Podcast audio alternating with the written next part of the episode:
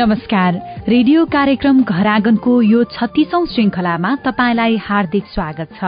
म सृजना बराल। अनि म सुनिल राज भारत। रेडियो कार्यक्रम घर आँगन सबै महिलाहरूलाई शिक्षा स्वास्थ्य सामाजिक सुरक्षा र सेवाको पहुँच पुर्याउन सहयोग गर्न र समान रूपमा हिमाल पहाड़ र तराईका महिलाहरूलाई स्थानीय तह प्रदेश र केन्द्रीय तहबाट पाउने सेवाको विषयमा जानकारी दिन तयार पारिएको हो।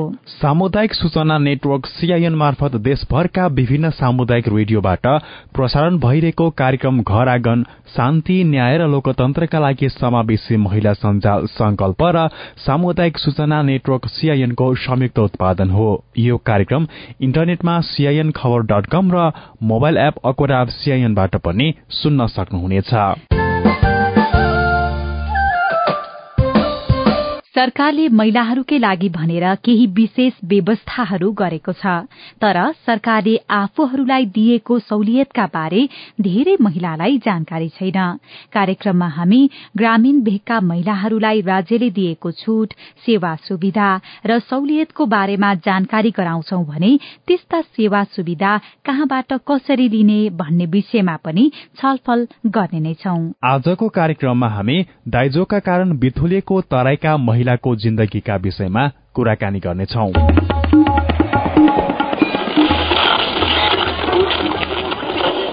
सयौं रेडियो। हजारौं रेडियो कर्मी र करोड़ौं नेपालीको माझमा यो हो सामुदायिक सूचना नेटवर्क सीआईएन कार्यक्रम घरागन मार्फत देशका विभिन्न सोह्र जिल्लाका सामुदायिक रेडियोमा बुहारी पत्रकारहरू हुनुहुन्छ। उहाँहरूले गाउँका महिलाको अप्ठ्यारो समस्या र ती समस्या समाधानका लागि सरकारले गरिरहेको कामका विषयमा सामग्री तयार पार्नुहुनेछ। आजको कार्यक्रममा हामी विशेषतः तराई मधेसमा जरा गाडेर बसेको दाइजो प्रथा यसबाट महिलाले भोग्नु परेको समस्या र यसको अन्त्यको विषयमा कुराकानी गर्नेछौ। शिक्षा र चेतनाको स्तर बढे पनि तराईमा दाइजो प्रथा हट्न सकेको छैन। दाइजोले पीड़ामा परेका छोरी र चिन्तामा रहेका अभिभावकको समस्या सहित सिराहाबाट सञ्जु कुमारी दासको रिपोर्ट। सिराहाको धनगढ़ी माई नगरपालिका नौ मुसहरनिया बस्ने चन्दर रामको छोरी रविता कुमारी रामको सिरहाकै जहदी बस्ने मुकेश महरासँग दुई वर्ष पहिले विवाह भयो। शुरूमा सम्बन्ध राम्रै भए पनि पछि दाइजो कम भएको कुरा निस्कियो। बारम्बारको कचकच सहन नसकेपछि रविता अहिले माइतामा नै बस्नु भएको छ।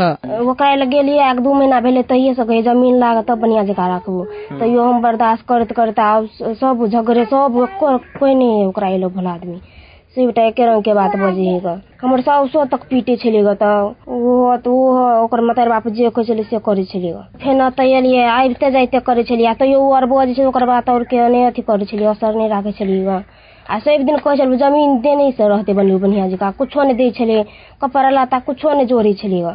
मात्र काम हो नोकर जका काम करे छलिए खाए छलिए भ गेलो। यस्तै सिरहाको धनगढ़ी माई नगरपालिका तीन नैनपुर बस्ने शिबु रामको छोरी मंजू राम पनि दाइजोको कारण पीड़ित हुनुहुन्छ। दहेज के कारण से कनी टोर्चर करे ई नहीं देलको ई नहीं देलको सामान घाटा लगा देलको टोर्चर करते रहे दिन प्रतिदिन झगड़ा करते रहे सब माइती नै जो बहिन जरे सम्म फ्यामिलियो गाडी साइड परे छले फोर गाली सब परे छले श्रीमानो फोन करे छले विदेश चले गेले श्रीमान। श्रीमानो होता से गार परे छले नै निमन व्यवहार सब बजे छे पढे लेखेका र शिक्षित परिवारमा पनि दाइजो प्रथा कायमै रहेको छ। जिल्ला प्रहरी कार्यालय सिरहाका प्रवक्ता एवं प्रहरी नायब उपरीक्षक माधव राज खरेल। यो त गम्भीर घटना हो। सामाजिक विकृति हो यो। मुलुकी अपराध संहितामा स्पष्ट व्यवस्था छ। दाइजो लिन पाइँदैन दिन पाइँदैन। लिन पाइँदैन एउटा कुरीति हो। मानसिक तथा शारीरिक यातना भएका कर्तव्य ज्यान समेत भएका घटनाहरू हामीले पत्र पत्रिकामा विभिन्न समय सुन्न पाएका छौँ तसर्थ यो यसलाई त सामान्य रूपमा लिने भन्दा गम्भीर घटना हो। एउटा त्यो मान्यताले काम गरेका छ अर्को चाहिँ धेरैलाई कानुन बमजिम चाहिँ दाइजो लेनदेन गर्यो भने कारवाही हुन्छ पनि थाहा छैन। तसर्थ यो कानुनको प्रचार जनचेतना नै सबभन्दा मुख्य कार्य हो यसको लागि। सिरहामा दाइजोका कारण पीड़ित महिलाहरू धेरै भए पनि उजुरी भने कम पर्ने गरेको छ। गरीब तथा दलित समुदायमा दाइजो प्रथा झन धेरै छ। सञ्जु कुमारी दास सीआईएन रेडियो समग्र लाहन सिरहा।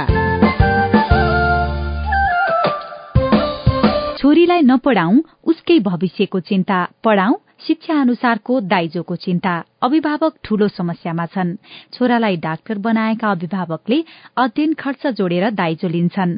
प्रहरीमा इन्सपेक्टर र अधिकृत स्तरमा पुगेका दुलाहाको मोल तीस लाखसम्म हुन्छ तर मधेसमा सिन्दूर भन्दा सस्तो जिन्दगी बनिरहेको छ दाइजोकै कारण। नारायण एफएम पर्साबाट ममता गुप्ता। दहेज तिलक देनी सब कुछ देनी हजुर। चले बेला बेटी हमर कहलक शादी से पहले से पापा हमरो के कुछ दे बना हजुर पांच कट्ठा जमीन बेटी के पारित देनी हजुर ये लोग चुपे चाप जाके पांच कट्ठा खेत नापत रहे। बेटी के गाड़ल संपत्ति है। ये दहेज के संपत्ति तो ना है। हम देनी बेटी के दे नहीं बे। पढ़ल लिखल भी हम तो ना जाने तो से दे दे पांच कट्ठा तो एक नटी के कालो पर्सा अलौ सिवान टोलका प्रभु राउत कुर्मीले दाइजोको रूपमा छोरीलाई अंश दिनुभएको थियो। तर त्यही अंश नै छोरीको मृत्युको कारण बन्न पुग्यो। दाइजैकै कारण श्रीमान सास ससुर र देवरको कुटाईबाट विगत गण्डक बहुवरीका सुनिता यादवको पनि केही दिन अघि मृत्यु भयो। सुनिताका मामा नागेन्द्र यादव। अब पिटैला के बाद में वो एक बेर गार्जियन से जानकारी कर देवे बाप मतारी के भाई से केहू से और दोबारा जाए और हस्बैंड से पूछे वो गार्जियन जे अब किर सुनता गई रही है उनका साथे रुआ फिर भी ऐसा के व्यवहार कैले बनी तो वो दोबारा गईला के बाद में फिर ओकरा के टार्चर शुरू कर तू अपना घरे का कहली हो पन्ध्र वर्ष पहिले बीस लाख दाइजो दिएर सुनिता सीताका विवाह डाक्टर सचिदानन्द यादवसँग भएको थियो। विवाहको दुई वर्षपछि दाइजो थुरै भएको भन्दै श्रीमानले कान्छी श्रीमती भित्राए सुनिताका दुःखका दिन त्यही बेलादेखि शुरू भयो। सुनिताका भाइ सन्तोष यादव। पिट्ने गाली गर्ने मेरो दिदीलाई कहिले काहीँ नबोलाउने हामी आफैले राख्ने अब हाम्रो चिज हो त हामीले नराख्नु पर्यो। एक वर्ष पछि लाने त्यो पनि मतलब नराख्ने। समाजको लाजको कारण खालि देखावटी गर्नको लागि उनीहरूले एक महिनालाई बोलाउने दुई महिनासम्म बोलाउने त्यसपछि फेरि छोडिदिने वीरगंजका माधुरी वर्णवालको नेपालगंजका मनिष वर्णवालसँग विवाह भयो। गत वर्ष पुसमा दाइजो नल्याएको भन्दै माधुरीलाई शारीरिक र मानसिक यातना दिएका कारण उहाँको मृत्यु भएको थियो। तर दोषीलाई कुनै कार्यवाही नभएको माधुरीका बुवा वेद प्रकाश वर्णवाल बताउनुहुन्छ। कर्तव्य ज्ञानको मुद्दा दर्ता गराएको थिए।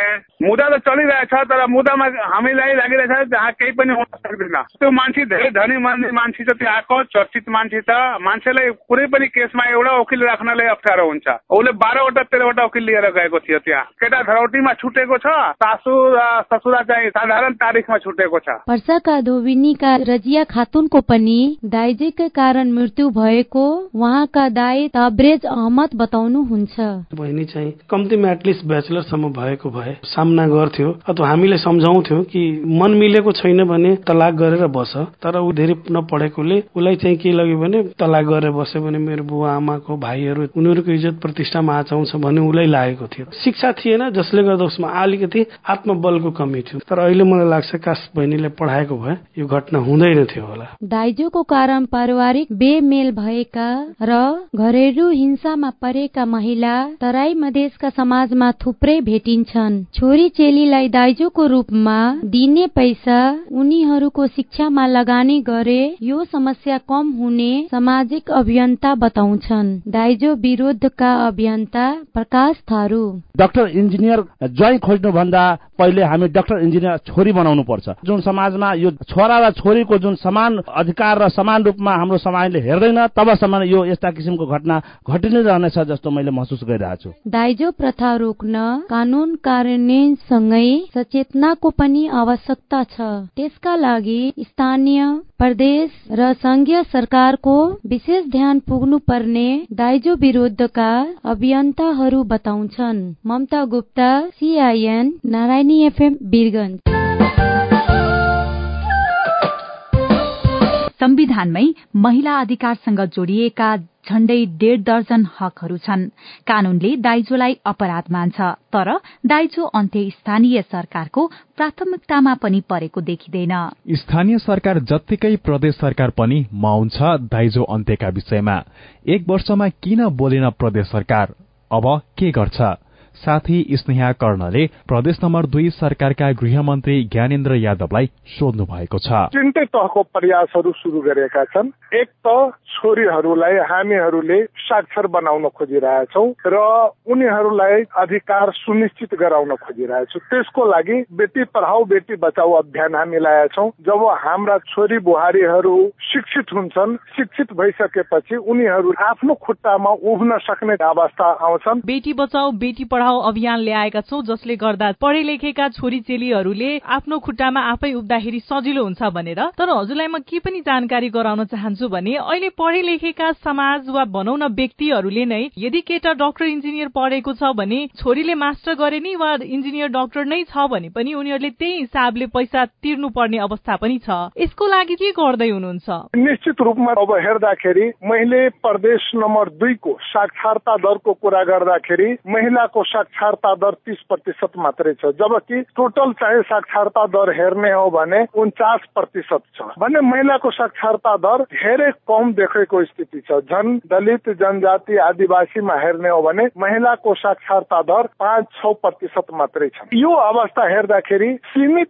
साक्षर भएकै कारण उनीहरूले आफ्नो प्रतिनिधित्व त्यहाँ हेराउनु पर्ने आफ्नो उपस्थिति जुन सशक्त रूपमा हेराउनु पर्ने हो त्यो सशक्त रूपमा हेराउन नसकेपछि त्यहाँ पढे लेखेका महिलाहरूलाई पनि समस्याहरू भोग्नु परेको अवस्था छ। जब महिलाहरू साक्षर हुन्छ आफ्नै खुट्टामा उभ्न सक्ने अवस्था आउँछ त्यसपछि दहेजको चपेटामा पर्दैनौ। कानून उनीहरूलाई अवगत हुन्छ जुन पैतृक सम्पत्तिमा महिलाहरूको पनि अधिकार हुन्छ। त्यो अधिकारका कुराहरू गर्न थाल्छन् त्यस बेला छोरीलाई दहेज होइन दहेज लिएर जाँदैन छोरीले अंश लिएर जान्छ।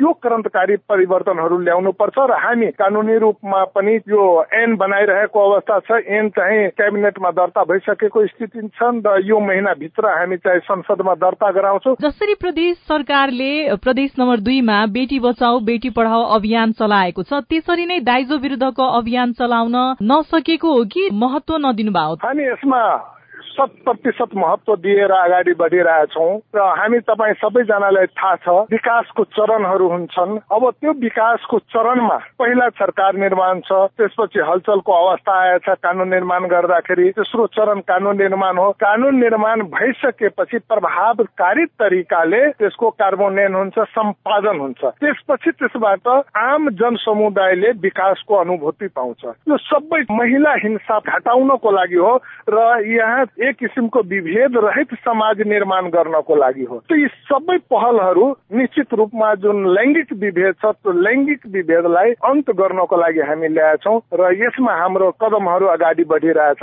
बेटी पढाऊ बेटी बचाऊ अभियान पनि त्यसकै एउटा इभेन्ट हो। जसरी जुन अनुपातमा दाइजोका घटनाहरू घट्ने गरेको छ त्यो अनुपातमा उजुरी पर्दैन। पीडित पक्षले अदालतमा आएर प्रहरीमा गएर उजुरी देऊन् भन्नको लागि कस्तो खालको काम गरिरहनु भएको छ? पीडित मैत्री कानून जब आउँछ पीडितलाई यो विश्वास हुन्छ कि हामी न्याय पाउँछौ त्यसपछि उनीहरू न्यायको चाहिँ ढोका खटखटाउन थाल्छ। र हामी पीडित मैत्री कानूनहरू ल्याइरहेछौ र यसबाट उहाँहरूलाई यो विश्वास हुन थालिएको छ। होइन हामी आफ्ना न्यायको लागि अगाडि बढ्यौं अदालतमा गयौं सरकार निर गएर ढोका ढकढकायो भने हामीलाई न्याय भेट्छ भन्ने विश्वास हुन थालेपछि अहिले हेर्नुहुन्छ तपाईँहरू यो चाहिँ मुद्दाहरू अगाडि बढिरहेछ। दहेजको विरुद्धमा एउटा जनमानस चाहिँ तयार भइरहेको अवस्था छ। त्यसकारण हामी के भन्छौ पहिला आम जनसमुदायलाई विश्वास हुनु पर्यो। म माथि भएको विभेद अन्त हुन्छ र म न्याय पाउँछु। र यो चाहिँ कुरा थाहा भइसकेपछि यस कुरामा विश्वास भइसकेपछि निश्चित रूपमा उहाँहरूले न्यायको दरवाजा ढकढकाउँछ र आफ्नो न्यायको लागि पहल गर्छ र उनीहरूले न्याय पाउने साथ यो कदम आफै अगाडि बढ्दै जान्छ र यो सबै समस्या समाधान भएर जान्छ। त्यसकारण हामी चाहिँ यसै अभियानलाई निरन्तरता दिन चाहन्छौ। हामी पीडित पक्षलाई एउटा आत्मबल बढाउन खोजिरहेछौँ। घटना पश्चात मिलापत्र गर्ने वर्षौं बित्दा पनि न्याय नपाउने नपाएका परिवार र महिला अझै पनि प्रतीक्षामा छन्। उनीहरूले अब कहिलेसम्म न्याय पाउँछन्? न्यायको हेर्दाखेरि अब न्याय पाउने कुराहरूमा निश्चित रूपमा अहिले चाहिँ अलिक ढिलाइ भइरहेको अवस्था छ। मुद्दाहरू चाँडै चाहे छिनोफानो नभएको स्थिति छ। जुन जनसमुदायको गुनासो हो त्यो यथार्थ छ। यसलाई चाहिँ हामी समयमै मुद्दाहरू डिसिजन गर्ने समयमै न्याय दिने अलि न्यायपालिकालाई कसरी चुस्त दुरुस्त बनाउनु पर्छ त्यो हिसाबमा पनि हामीहरूले गम्भीरतापूर्वक हेर्नुपर्छ अगाडि बढ्नुपर्छ र यो आवश्यकता छ। कुनै पनि हालतमा महिला हिंसा भएपछि प्रदेश नम्बर दुईका प्रदेश सरकारले यो कुरा थाहा पाइसकेपछि त्यस्ता मुद्दाहरू मिलाउने व्यक्तिलाई पनि हामी कारवाही गरिरहेछौँ। अब यो दाइजो विरुद्धको काम कार्यवाहीलाई प्रभावकारी रूपमा कार्यान्वयनमा ल्याउनको लागि प्रदेश सरकारको नीति के छ? कानून ल्याउने मात्रै हो कि त्यसलाई कार्यान्वयनको लागि तपाईँहरू अहिलेदेखि नै तयारी गरिरहनु भएको छ? निश्चित रूपमा तपाईँहरूलाई थाहा होला हामी प्रहरी सेवा सम्बन्धी विधेयक पनि पास गरिसकेका छौँ। त्यसपछि हामी अहिले प्रदेश प्रशासन सम्बन्धी विधेयक सदनमा दर्ता गराइसकेका छौँ। यो सबैको एउटै उद्देश्य हो कि हाम्रो कानुनी प्रक्रिया कार्बोनेन पक्ष बलियो होस्। अन्यायमा परेको जनताले न्याय पाओस् भन्ने हिसाबमा हामी अगाडि बढेको हुनाले हामी अब आउनेवाला दिनमा कुनै किसिमको अन्यायलाई सहेर बस्दैनौँ। हाम्रो प्रदेश नम्बर दुईको लक्ष्य छ विभेद रहित समतामूलक प्रदेश निर्माण गर्नु। त्यसकारण यस्ता कुराहरूमा गम्भीरताका साथ हामी अगाडि बढिरहेछौँ। पीडित पक्षले न्याय पाउँछ हाम्रो काम गर्ने प्रक्रिया सशक्त भएर अगाडि बढ्छ। दाइजो प्रथालाई अन्त्य गर्नको लागि प्रतिबद्धता के छ तपाईँको? कार्बोनेन पक्षलाई सशक्त बनाएर अगाडि बढ्छौँ र दाइजो प्रथालाई हामी जिरो टलरेन्समा लिएर अगाडि बढ्छौँ यो प्रदेश सरकारको प्रतिबद्धता हो। पढे लेखेका राम्रो जागिरे र हैसियत भएका भनिएकोहरूले दाइजो बहिष्कार गर्नुपर्ने हो। आफूलाई बिक्रीको साधन बनाउनबाट जोगाउन पढे लेखेका छोरीहरू पनि अघि सर्नुपर्ने हो। तर तराई मधेसमा त्यो दुइटै देखिँदैन। आफ्नो परम्परादेखि चलिआएको सामान्य उपहार भेटी दक्षिणा वा शरीरमा लगाएको एक सरो गहना बाहेक विवाह गर्ने दुलाहा वा दुलहीका तर्फबाट कुनै किसिमको चल अचल दाइजो वा कुनै सम्पत्ति माग गरी वा लेनदेन शर्त राखी विवाह गर्न वा गराउन नहुने कुरा कानूनमा उल्लेख छ।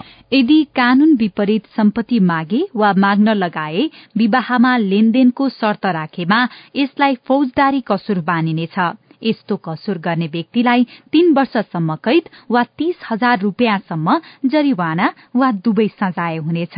कसैले विवाह गरिसकेपछि चल अचल सम्पत्ति वा दाइजो माग गर्न वा त्यस्तो चल अचल सम्पत्ति वा दाइजो नदिएको कारणले दुलही वा उनका नातेदारलाई कुनै किसिमले हैरान पार्न सताउन वा कुनै अमानवीय र अपमानजन्य व्यवहार गर्न हुँदैन। कसैले यस्तो व्यवहार गरेमा कसुर गर्ने व्यक्तिलाई पाँच वर्षसम्म कैद वा पचास हजार रूपियाँसम्म जरिवाना वा दुवै सजाय हुनेछ। कुनै सम्पत्ति लिएको छ भने त्यस्तो सम्पत्ति सम्बन्धित व्यक्तिलाई फिर्ता दिनुपर्छ। यस्तो कानूनी व्यवस्था हुँदा हुँदै पनि यदि कसैले दाइजोकै कारण हिंसा भोग्नु परे सहयोग माग्न कहाँ जाने? कसलाई भन्ने आफ्ना कुरा? दाइजोका कारण हिंसामा परेका महिलाले पाउने सहयोग के हो? हामीले राष्ट्रिय महिला आयोगका सूचना अधिकारी ध्रुवराज छेत्रीसँग कुराकानी गरेका छौं। धन्यवाद। दाइजो अन्तर्गत पर्ने हिंसा भनेको घरेलु हिंसा नै पर्छ किनभने दाइजो भनेको एउटा श्रीमान श्रीमती एउटा घर परिवारमा घटिने घटना भएकोले यो घरेलु हिंसा अन्तर्गत नै पर्छ। त्यो न्यायका लागि चाहिँ कहाँ कहाँ जान सक्छन् भन्ने विषयमा विशेष त कुराकानी गर्दैछौँ होइन? दाइजो अन्तर्गत हुने हिंसाहरू धेरै खालका हुन्छन् होइन? सुरुमा चाहिँ कोही मान्छे विवाहका लागि प्रस्ताव लिएर आयो केटा पक्ष र उसले चाहिँ दाइजो माग्यो। दाइजो माग्नु मात्रै हिंसा हो कि होइन? एक किसिमले अहिले चाहिँ हाम्रो संविधान अनुसार दाइजो माग्नु पनि एक किसिमले हिंसामा लिएको छ होइन? एउटा चाहिँ शारीरिक रूपमा कुटपिट पनि हुने भयो दाइजोको कारण होइन? एउटा चाहिँ मानसिक रूपमा यातना हुने भयो। हामीले अस्ति भर्खरै कुरा गर्ने हो भने एकजना अठार वर्षको बालिकाले चाहिँ दाइजो मागेर दिन परिवारले दिन नसकेपछि आत्महत्या गर्नुभयो भनेको त्यो मानसिक रूपमा उहाँलाई असर पर्यो। अब शारीरिक रूपमा चाहिँ भएको हिंसामा त्यो देखिने भयो हामीले प्रहरीले प्रमाण खोज्छ उजुरी गर्न जाँदा। तर मानसिक हिंसाको कुरा गर्दा त्यहाँ प्रमाण पनि हुँदैन। विशेष त धेरै महिलाले भोग्ने भनेको चाहिँ मानसिक हिंसा नै हो अलि बढी होइन। शारीरिक पनि छ। आफूलाई त्यसरी मानसिक रूपमा यातना भइराखेको छ दाइजोकै कारणले भने चाहिँ त्यो महिलाले न्यायको लागि कहाँ जान सक्छ? त्यस्तो हिंसामा परेको महिलाले चारवटा निकायमा जान सक्छन्। मानसिक यातना पनि एउटा किसिमको हिंसा नै हो होइन? हामीले घरेलु हिंसाको व्याख्या गरिरहँदा त्यो हामीले घरेलु हिंसालाई शारीरिक आर्थिक मानसिक र यौनजन्य रूपमा लिएका छौँ। मानसिक हिंसा पनि भनेको पनि एउटा यातना नै हो। त्यसले गर्दाखेरि यो घरेलु हिंसा घरेलु ऐन अन्तर्गत ऊ आफ्नो न्यायका लागि सम्बन्धित निकायमा जान सक्छिन्। कुनै पनि पीडित। अहिले स्थानीय सरकारहरू छन् न्यायिक समिति छ नेपाल प्रहरी छ होइन? अदालत भयो सबै ठाउँमा र राष्ट्रिय महिला आयोग गरेर चारवटा भन्नुभयो।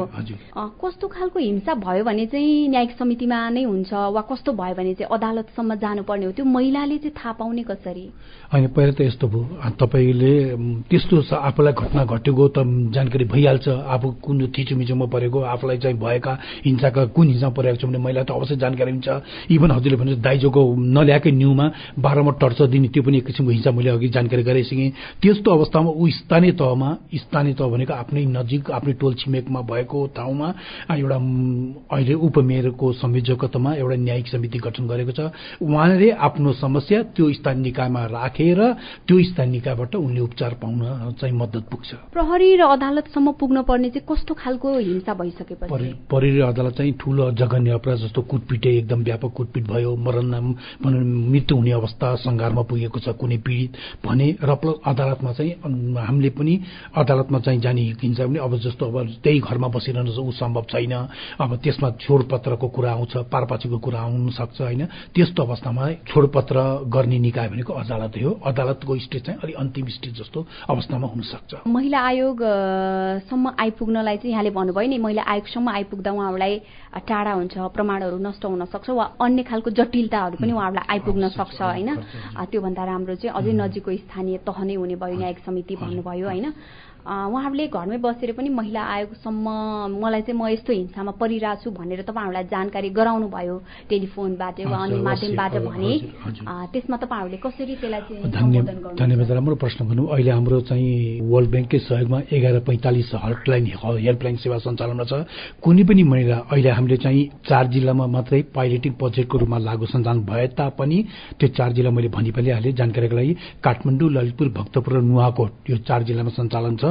तापनि हामीले विभिन्न जिल्लाका चाहिँ पीडितहरूले आफ्नो फोन मार्फत इभन हाम्रो पत्रचार गरेको मार्फत पनि पत्रचारहरू पनि प्राप्त भइरहेका छन्। त्यस्तो अवस्थामा चाहिँ हामीले उनीहरूलाई कुन निकायको हो त्यो उहाँ पीडित त्यस्तो अवस्थामा त्यो निकायसँग हामीले डाइरेक्ट कन्ट्याक्ट गरेर उहाँलाई चाहिँ सहजीकरण अथवा चाहिँ उहाँलाई उपचारको लागि हामीले पहल गर्ने गरेको छ। कोही महिला दाइजोकै कारणले शारीरिक रूपमा हिंसामा पर्यो ऊ घरमा बस्न सक्ने पनि अवस्था भएन।